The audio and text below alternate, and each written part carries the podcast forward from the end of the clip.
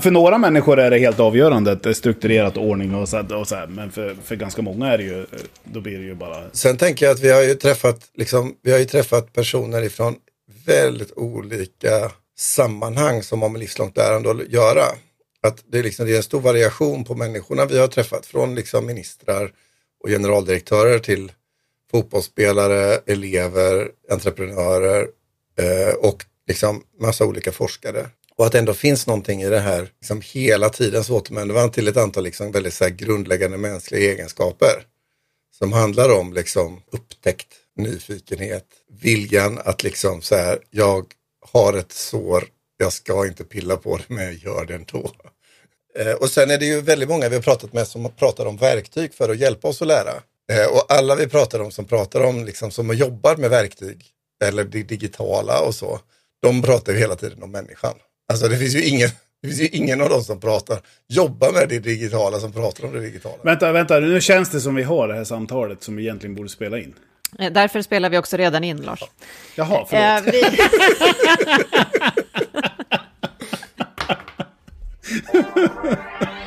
Jag är sån superproffs i poddar.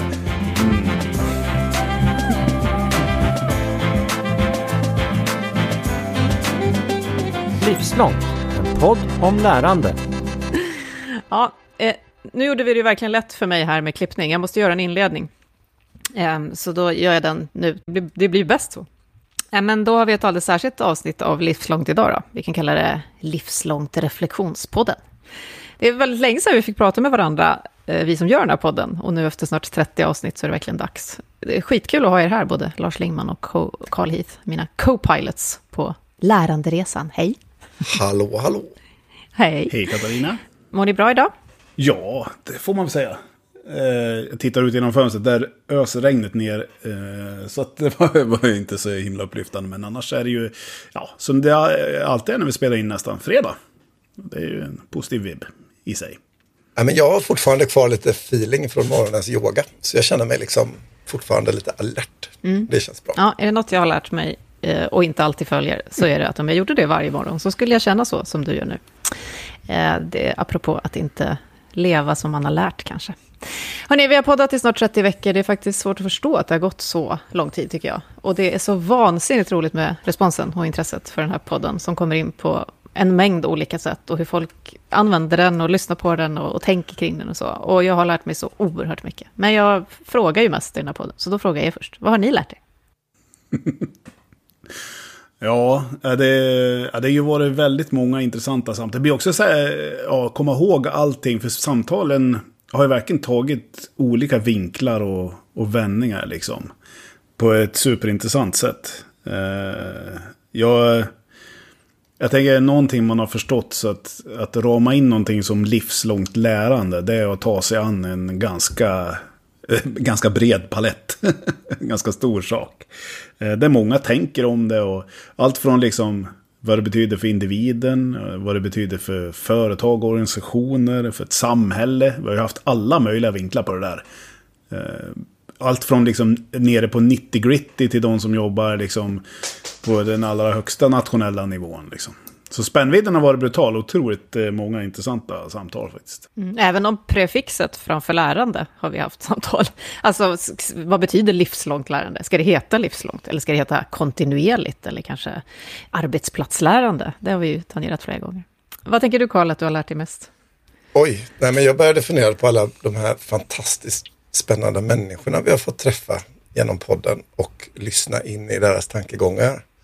Och eh, det finns så många liksom små korn av oväntade eller spännande eller liksom förunderliga tankar som har uppstått under resans gång och som jag liksom bär med mig. Eh, och liksom några har jag återvänt till flera gånger. Jag tänker till exempel på ett av våra tidigare samtal vi hade med eh, Sven-Erik Lidman, eh, professor emeritus i statsvetenskap eh, eller idé och lärdomshistoria vid Göteborgs universitet foster bildas, eller jordskorpan bildas, och så bildas en människa och då genom erfarenhet och kunskap och samspelet mellan eh, intellekt och känsla. Eh, Livslångt lärande lånar sig så lätt till sådana här rent byråkratiska anordningar och föreställningar om att nu, nu kan vi göra om den här människan till något annat.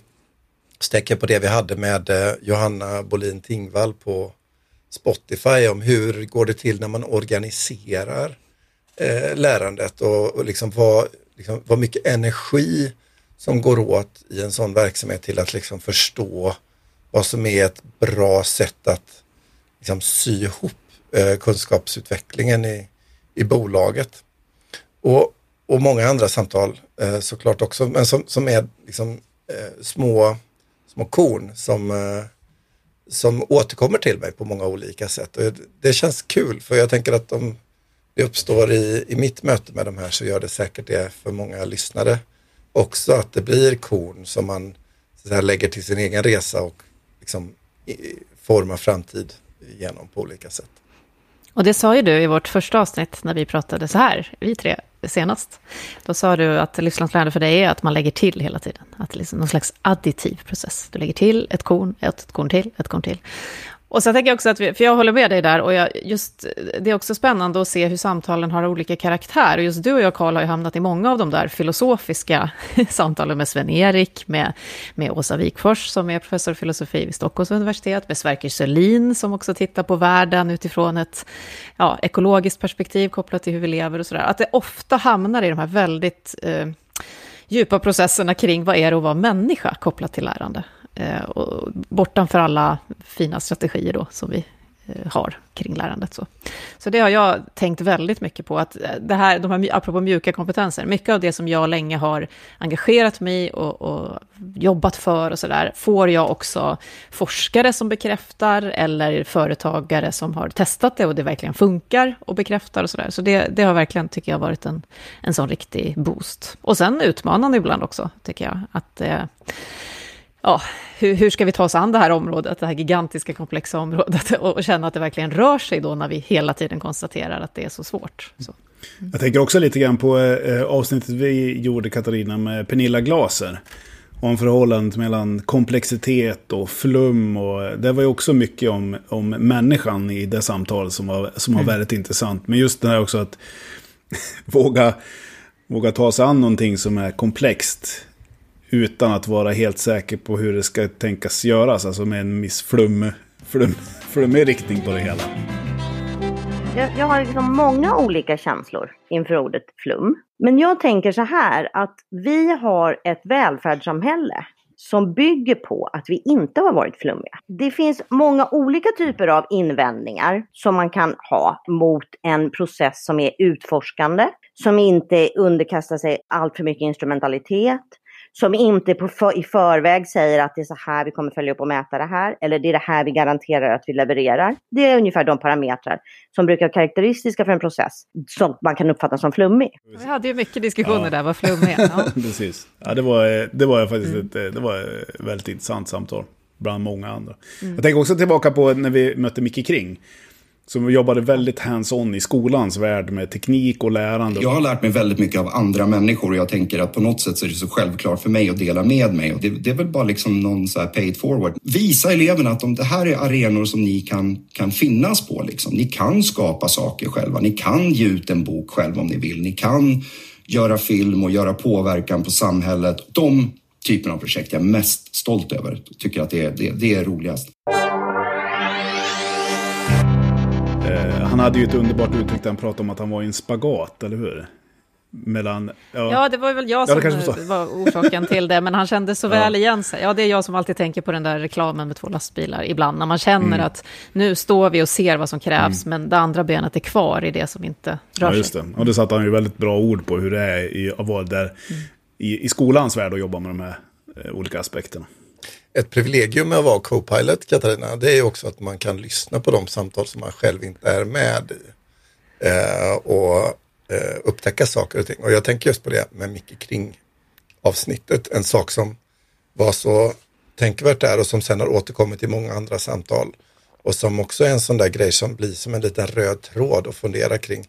Det är ju hur individer liksom hittar strategier i sitt eget lärande i sitt arbete eller yrkesliv, men som inte självklart liksom är organiserat eller strukturerat eller så. Och det kanske inte heller är kollegialt lärande i någon mening, utan eh, liksom, det finns element av det kollegiala och element av hur det organiseras, men som utgår verkligen ifrån liksom, ens egen inre drivkraft av att vilja förstå någonting eller att göra någonting lite bättre. Liksom den här liksom, nyfikenheten som Mm, ibland det liksom bara inte går att bortse ifrån utan bara måste pröva en sak eller göra en grej och så.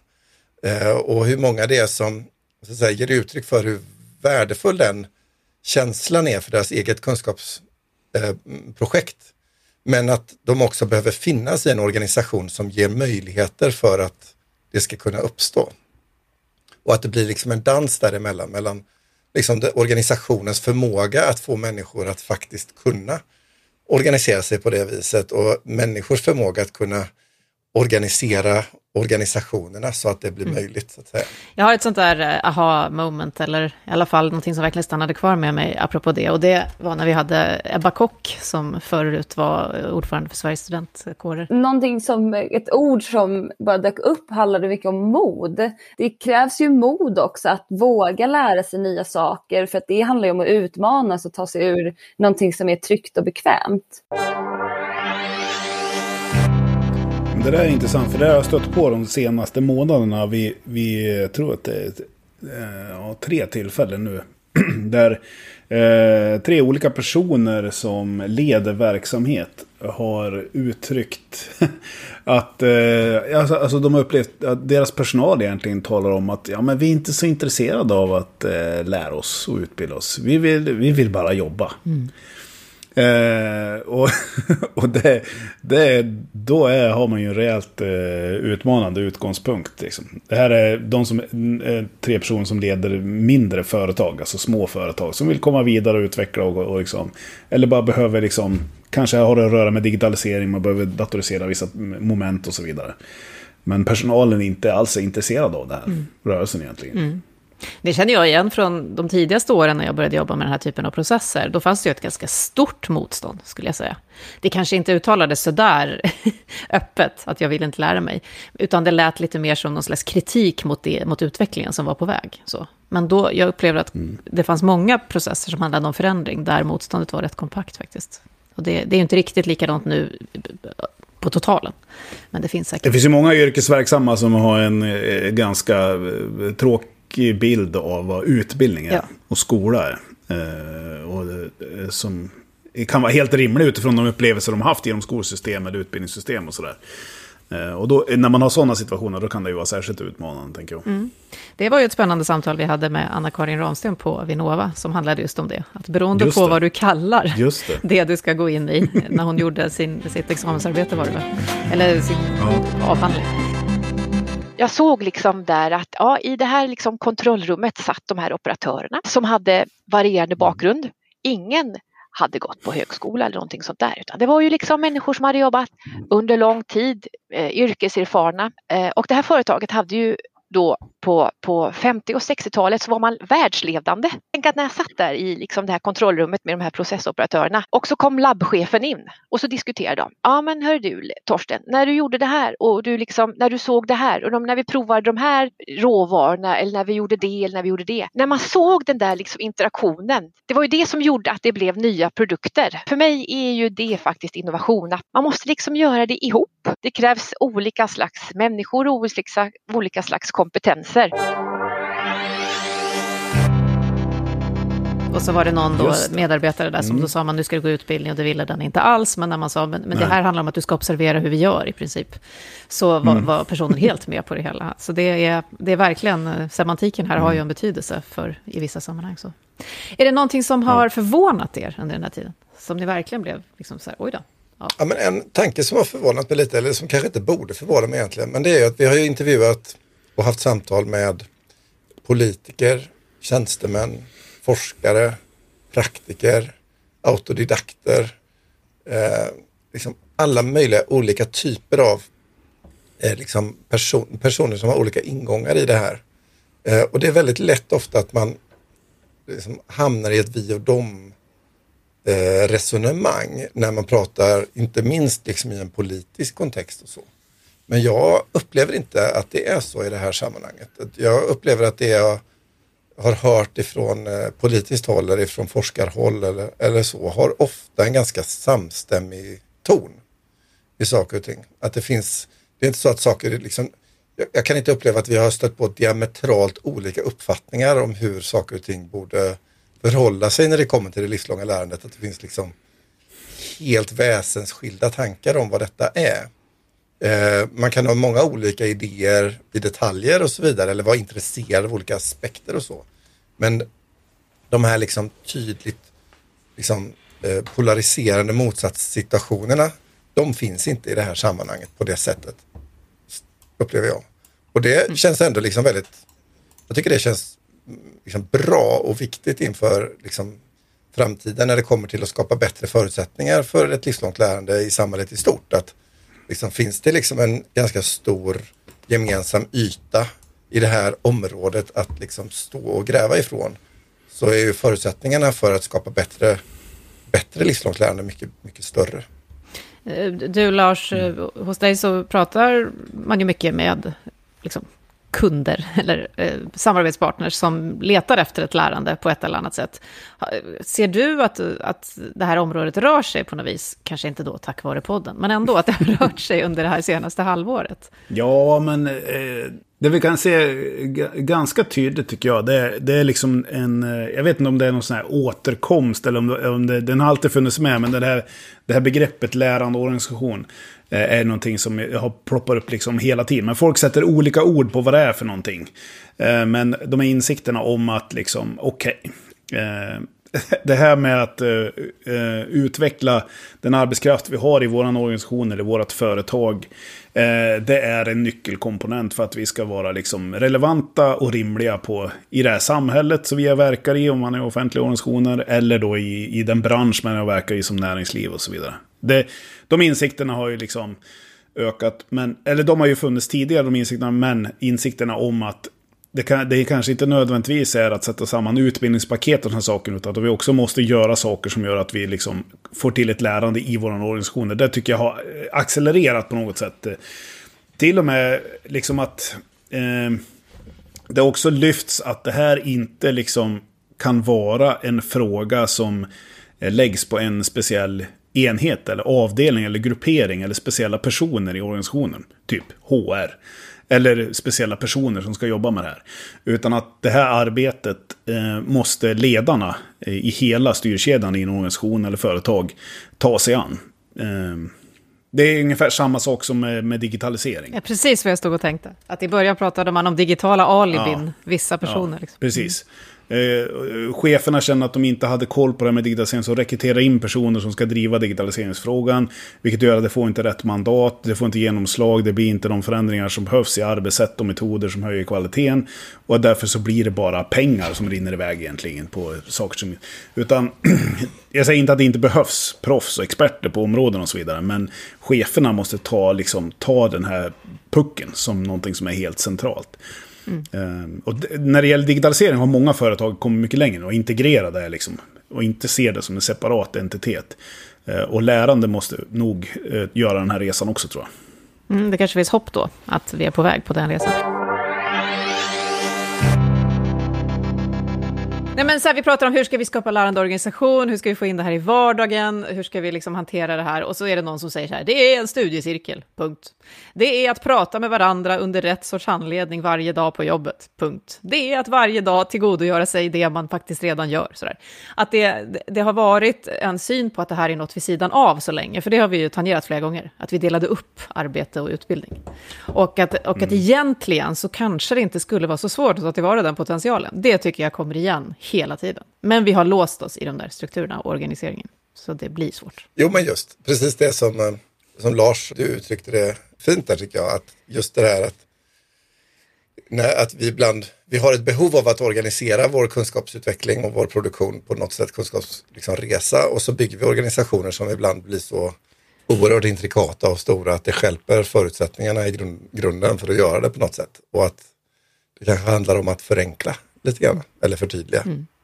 Och då kanske vi kommer in på det där som vi pratade om väldigt nyligen i ett samtal, att men människor är så komplexa, så så fort du sätter någon på en uppgift och tar fram någonting som har med livslångt lärande att göra, en proposition eller en plan, en strategi för någon, så blir det också att då lägger man ner mycket jobb på det och så blir det kanske någon liten prestige i det och så ska det följas på olika sätt, eh, istället för att gå tillbaka och tänka, vad är det förenklade som vi kan börja med? Alltså jag tänker också att väldigt ofta i fina pamfletter och strategier och, och sådär så framgår ju den här typen av narrativ också. Alltså att vi är ganska bra på att tänka och klura ganska länge och komma fram till att så här, det är viktigt att vi organiserar kunskapsutvecklingen på ett enkelt och tydligt sätt så att alla kan vara med. Eh, och, Inte lika enkelt att genomföra bara. Nej, precis. Och, och det ska vara enkelt att och liksom gå ifrån en plats i utbildningslandskapet till ett arbete och tillbaka till utbildning och det ska vara lätt att gå från en utbildning till en annan och ta med sig kunskaperna. Eh, den typen av liksom berättelser hör vi ju eh, från många olika håll, både från elever och forskare och från politiker och så vidare. Men just det där att det är, eh, det är ju inte så att vi ritar den här kartan på ett blankt papper utan det finns liksom en verklighet och tusentals människor som arbetar i den och det är väl där det svåra dyker upp då. Det är ju att liksom eh, rita om på ett omsorgsfullt sätt som bevara det som är bra och liksom eh, förändra det som inte är bra. Jag tror också att det är lite så här, eh, det här är ju en, en komplex eh, fråga. Den är liksom mångfacetterad och liksom utvecklad och liksom har arv och nya vinklingar och så vidare. Och jag tror ju också att det, det, kan lätt bli så här att man söker någon form av guld, alltså man söker någon silverkula.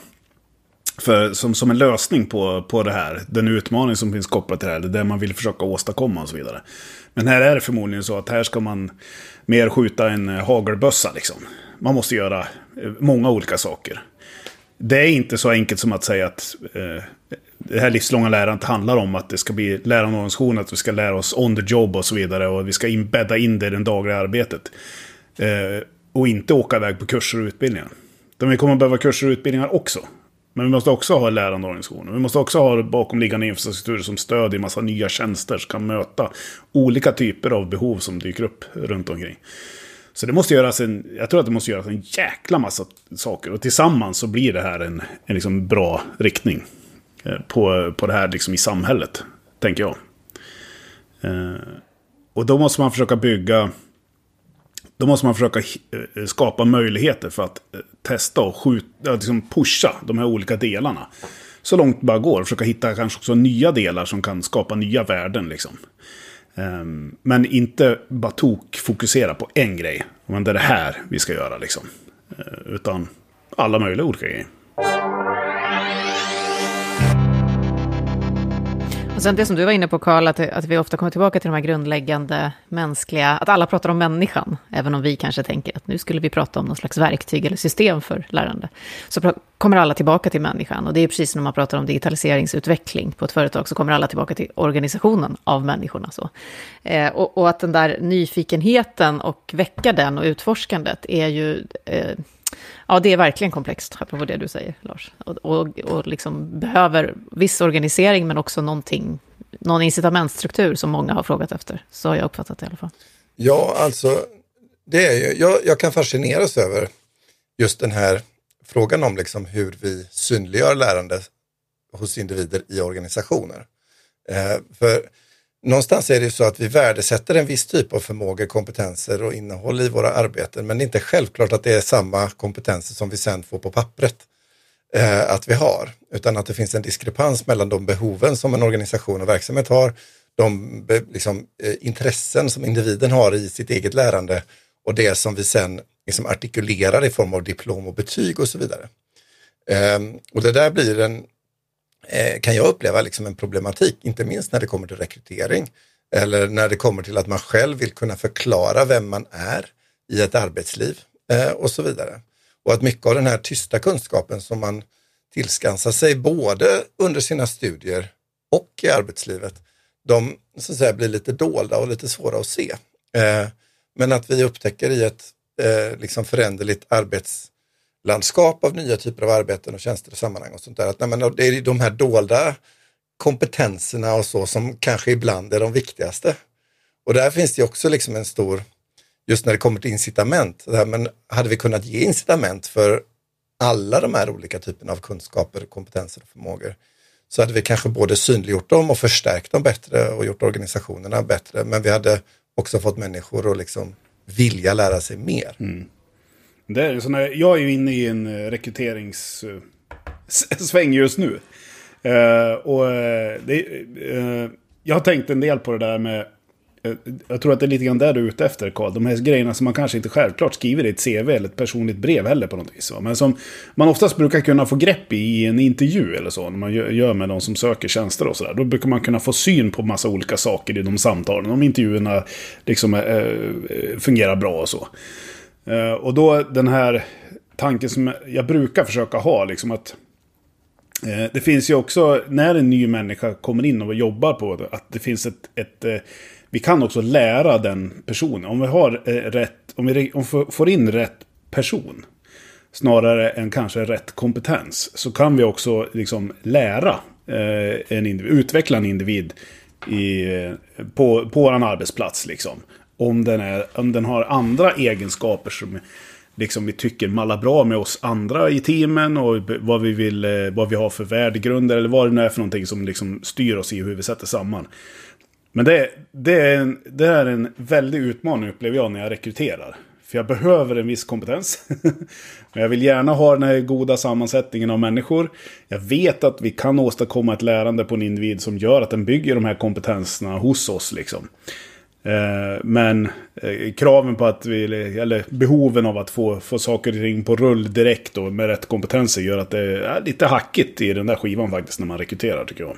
Och det är nog många som Ganska kämpar med det, tänker jag. Och det är väl därför det också pratas ju ganska mycket om förmågor just nu i rekrytering, eller sen flera år. Som alltså inte är sak, bara då expertis, sakkunskap, utan de här förmågorna att kunna verka i ett team eller, eller liksom Ja, det är ju standard man skriver i alla annonser nu. Vi sätter stor vikt vid dina personliga egenskaper och hur du passar in i våra team. Bla bla. Det är en sån där standardfras som står precis överallt. Jag försöker tänka på det, men jag tycker att det är, det är klurigt. Men en annan sak som knyter an till detta och som har återkommit tycker jag i väldigt många av våra samtal. Det är ju eh, det här med att eh, och som jag var inne på lite tidigare, det är det här med att liksom hur jag för med mig en kunskap från en plats till en annan. Hur går det till?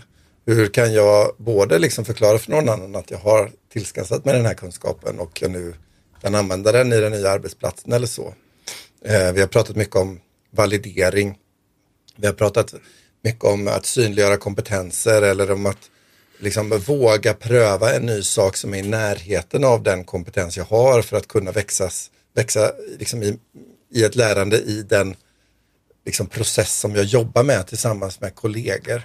Eh, och det finns ju många liksom, sätt att göra detta på. Du var inne på det Katarina, att liksom, många säger så här, men vi vet vad som borde göras. Varför liksom, gör vi det inte? Och sen så liksom, hemfaller vi tillbaka till det här svåra i att organisera oss i arbetslivet och, eh, och så. Men jag tänker mycket på det just att alla de här, eller många av de här samtalen befinner sig i den här brytpunkten av det liksom egna lärandet kontra vad samhället tillhandahåller kontra vad som uppstår i, i ens arbetsplats och, och hur man kan ta med sig det från en position till nästa på ett bra sätt.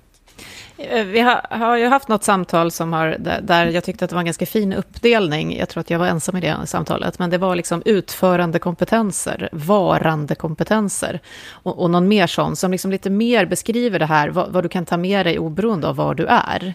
Eh, eller vad som krävs för att du just nu är kirurg här i sakkompetens, utförande så. Och, och jag har, vi har också en kollega som inte är med oss här idag som jag alltid tjafsar med. För att eh, den personen fortfarande använder uttrycket mjuka frågor och mjuka kompetenser. Och jag varje gång protesterar och blir lite arg. För att vi har, det är liksom också den där uppdelningen vi gjorde eh, förr, där vi, de här mjuka som du beskrev, gissar jag, eh, Lars. Att det är liksom de här förmågorna och hur man liksom arbetar tillsammans, visionära, hur vi co-creation, allt sånt där som du pratar om idag. Mm. Då klassas som de här mjuka. Mm. Och de kanske är framgångsrika idag. Vad, vad är då mjukt och hårt? Så. Ja, precis. De kanske är det nya hårda. Är det så du tänker? Just det. det, är så, det är det jag gärna vill komma fram till, som ni förstår, eftersom det är jag. Mm. Alltså jag är också fascinerad av det här stora intresset i allmänhet. Eh, inte bara när folk hör av sig och säger ja, jag fick verkligen en ny tanke och det här och så, vilket ju är jätte, jätteroligt. Fortsätt gärna göra det. Men eh, också att det är så här, vi, det här ska nu användas i akademisk undervisning. Eller vi har gjort en poddcirkel, det var en sån grej som jag vet förvånade oss, Karl, när vi pratade om det. Den såg vi inte riktigt komma. Vilken sjukt bra idé. Jag vill också vara med i poddcirkeln. Ja, det, det var ju faktiskt... Eh, jag har aldrig riktigt fastnat i bok... Jag läser mycket böcker, men aldrig fastnat i bokcirkelsvängen. Men poddcirkel lät ju faktiskt riktigt roligt, måste jag säga. Ja, men det är roligt att se hur podden har kommit att liksom användas och få vingar på olika sätt. Och även de kontaktytor som vi har fått genom olika gäster, där vi liksom blir uppringda efteråt och vill du komma och ha en dialog om det här och sådär. Eh, märks ju det här som du pratade om, Lars, att det finns en slags gryende ökad medvetenhet om de här frågorna. Det är ju väldigt, väldigt roligt tycker jag. För oss lärande nördar. Ja, nu måste det bara hända någonting också. Tänkte jag säga. Ja, ja men vi baxar och baxar. Ja, ja nej, det, vi, Jo, men vi måste ju kombinera nya insikter och, och klokt pratande och reflekterande med att äh, men nu måste vi faktiskt göra, någon, någon, måste faktiskt göra någonting. Och det gäller ju liksom hela samhället måste ju ja. på något vis faktiskt ta tag och rycka i rodret på något sätt när det gäller de här sakerna. Alltså jag tänker ändå att liksom under det här eh, dryga halvåret som vi har hållit på med podden så kan man ändå se många tecken på att det pågår väldigt många olika processer liksom både liksom ja. av det vi hör i våra intervjuer och möten med människor, de företag som tänker nytt och annorlunda och sådär, men också liksom politiska initiativ som tas för att förbättra och förändra förutsättningarna med allt ifrån liksom direktiv om nya datainfrastrukturer för livslångt lärande till liksom remisser om uh, nya sätt att organisera uh, lärande i arbetslivet på uh, och så vidare. Så det känns som ändå som... Samverkansprogram. Ja, alltså, det känns som att det händer ändå en hel del. Eh, men det är som ofta när det är den här typen av stora processer att från en dag till en annan känns det inte så mycket och så är man frustrerad. Men när man ser i backspegeln tio år så ser man att det ändå har hänt mm. rätt mycket. Liksom. Jag kan ju bli eh, imponeras ja. av till exempel ditt tålamod där, Carl. Jag kan, kanske också är lite mer otålig som jag anade på dig, Lars. Jag vet inte. Men när man tittar bakåt, det är väldigt bra att titta bakåt. Nu påminns jag om vårt samtal med Cecilia Bjursell som vi hade väldigt tidigt, eh, Katarina. Som har, på en cell. Ja, på en cell, precis. Ofta tar man ämnet först och försöker trycka på det, klassisk korvstoppningsteknik. Istället för att fundera över vart står den här individen i förhållande till bank-id eller vad det nu kan vara för någonting man måste lära sig. Ser individen själv en nytta av det? Finns det liksom en trygg omgivning där man kan försöka sig på det här eller blir det prestationsfyllt och så vidare? Så att även om vi känner till de här sakerna, till exempel att starta individen, så när man tänker utbildning så har man en föreställning om att ja, men då måste jag göra en, en, ett schema och lägga ut det och boka tider. Det blir de här praktiska sakerna som kommer först. Hon visade också på eh, i det samtalet lite grann om historien. Alltså livslångt lärande är ju ett begrepp som har funnits med länge. Liksom. Det är ja. inte som begrepp eh, liksom någonting nytt. Liksom. Det har funnits med länge. Och säkert gått i cykler i hur det har varit populärt och som, som ett innebegrepp. Och sådär. Eh, som det oftast är med de här stora viktiga frågorna. Liksom. De kommer och går lite grann i, i popularitet eller hur man ska uttrycka det.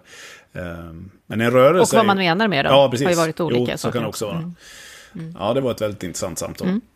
Nu väntar då hur många nya spännande gäster som helst framåt. Från stiftelsen Ekskäret, till Handelshögskolan till det framgångsrika bolaget Essity, till UR, till kultur och vetenskapsskribenter och ledarutvecklare och psykologer och en mängd människor som då alltså av någon anledning är sugna på att vara med här och prata om lärande. Vad är ni mest sugna på framåt? Oj, ja det är mycket jag hoppas på. Nej, men en sak, som, eh, en sak som jag ser fram emot det är ju eh, att vi har haft ett par sådana samtal, jag ser fram emot flera sådana där man kan liksom nörda i en detalj. Eh, att man liksom gräver ner sig i en eh, viss specifik företeelse i det livslånga lärandet.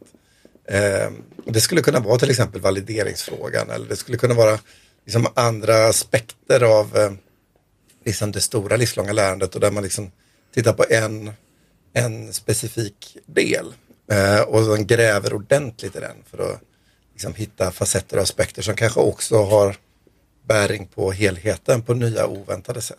Det, det ser jag fram emot. Ja, men jag gillar den, den vinkeln som Karl tar. Det är alltid roligt att prata med ett snävt område också. Det, det är, vi har haft väldigt många superintressanta samtal på de breda aspekterna och så vidare. De är ju alltid roliga. Men det är väldigt intressant just när man kan döda ner någonting. Det ska ju, på validering, det här med micro-credentials tycker jag också är otroligt mm. intressant. Alltså, det, det, är ett sånt område som jag tycker är, vore superintressant att nörda lite grann. Jag har nuddat vid det, men inte nördat än. Så det har vi kvar. Nej, precis. Det är en sån eh, sån aspekt faktiskt. Ja, jag håller med. För att eh, ska vi fördjupa och få någonting att hända så tror jag att det är den vägen, den konkreta liksom, stegen som vi kan prata om mer om. Så. Sen alltid så superintressant. Jag kommer ihåg eh, när vi hade eh, samtalet med Boris René, fotbollsspelaren där. Eh, Och det var ju musiker. också, Ja. ja. musiker, precis. Melodifestivalstjärna där. Ja. Men, eh, otroligt eh, kul att se någon som kommer med lite ett annat språk kring lärande, andra vinklar av, av det hela, liksom, och ett annat sätt att liksom tänka. Och, eller inte tänka, kanske, inte nödvändigtvis tänka annorlunda, men sätter andra ord på det och liksom har det i andra kontexter. Eh, det, sådana samtal är ju jätteintressanta. Ja, jag tänkte också på just det att, också, att ibland så kan det vara människor som inte själv har satt sina egna ord än på hur de gör när de lär sig. Och att det är väldigt roligt att få vara med när de gör det, för att vi pratar om det. Och det var ett sånt samtal med Boris, där det var så här, ja, nej, men hur, hur kombinerar jag de här två karriärerna? Vad- Hur, vad lär jag mellan dem och så? Det, ja, det är väldigt kul, tycker jag. Mm. Ja, är det någon drömgäst som ni har innan vi avslutar? Jag skulle nog, eh, jag ser fram emot att kasta oss in på internationellt vatten. Eh, vi har hållit oss i en svensk eh, kontext. Men, nästan eh, bara. Vi har haft nästan något, någon liten utflykt. Ja, men precis. Finland har vi varit i. Sådär. Ja, det har vi. Men det skulle vara roligt att eh, spänna bågen lite mer och eh, Mm. titta på vad vi kan hitta på andra ställen med risk för att vi byter språk någon gång. Så. Det, det får vi stå ut med. Lars? Ja, men det, eh, jag tänkte liksom så här, eh, jag funderade i ett samtal i, ja, i tidigare veckan så pratade lite om så här, de extrema ändarna av livslångt lärande. Alltså i ena änden de allra, allra yngsta. Eh, det hade ju varit jätteintressant att ha ett sånt, sånt samtal. Eh, men också i den andra änden, de eh, vad ska jag säga, allra, allra äldsta liksom. Men vad- är, vad är liksom, vad är lärande när man är, eh, gått i pension, kommit i en annan fas i livet som innehåller lite andra saker och sådär. Det skulle ha varit ett väldigt intressant samtal, tänker jag. Jag fick genast två namn i huvudet genom det, så vi ska nog kunna ordna det. Ja. ja, men eh, tack, vad kul det var att få liksom höja, eller gå åt sidan, eller vad det nu är, metaprata om det vi gör i den här podden. Jättekul. Metaprata, vilket Ja. bra ord. Ha det bra hörni, hej då. Hej då. Lars Lingman och Karin. Hej. Du har just hört Livslångt, en podd från RISE om allt det där man lär sig i livet. Vi hörs om en vecka igen.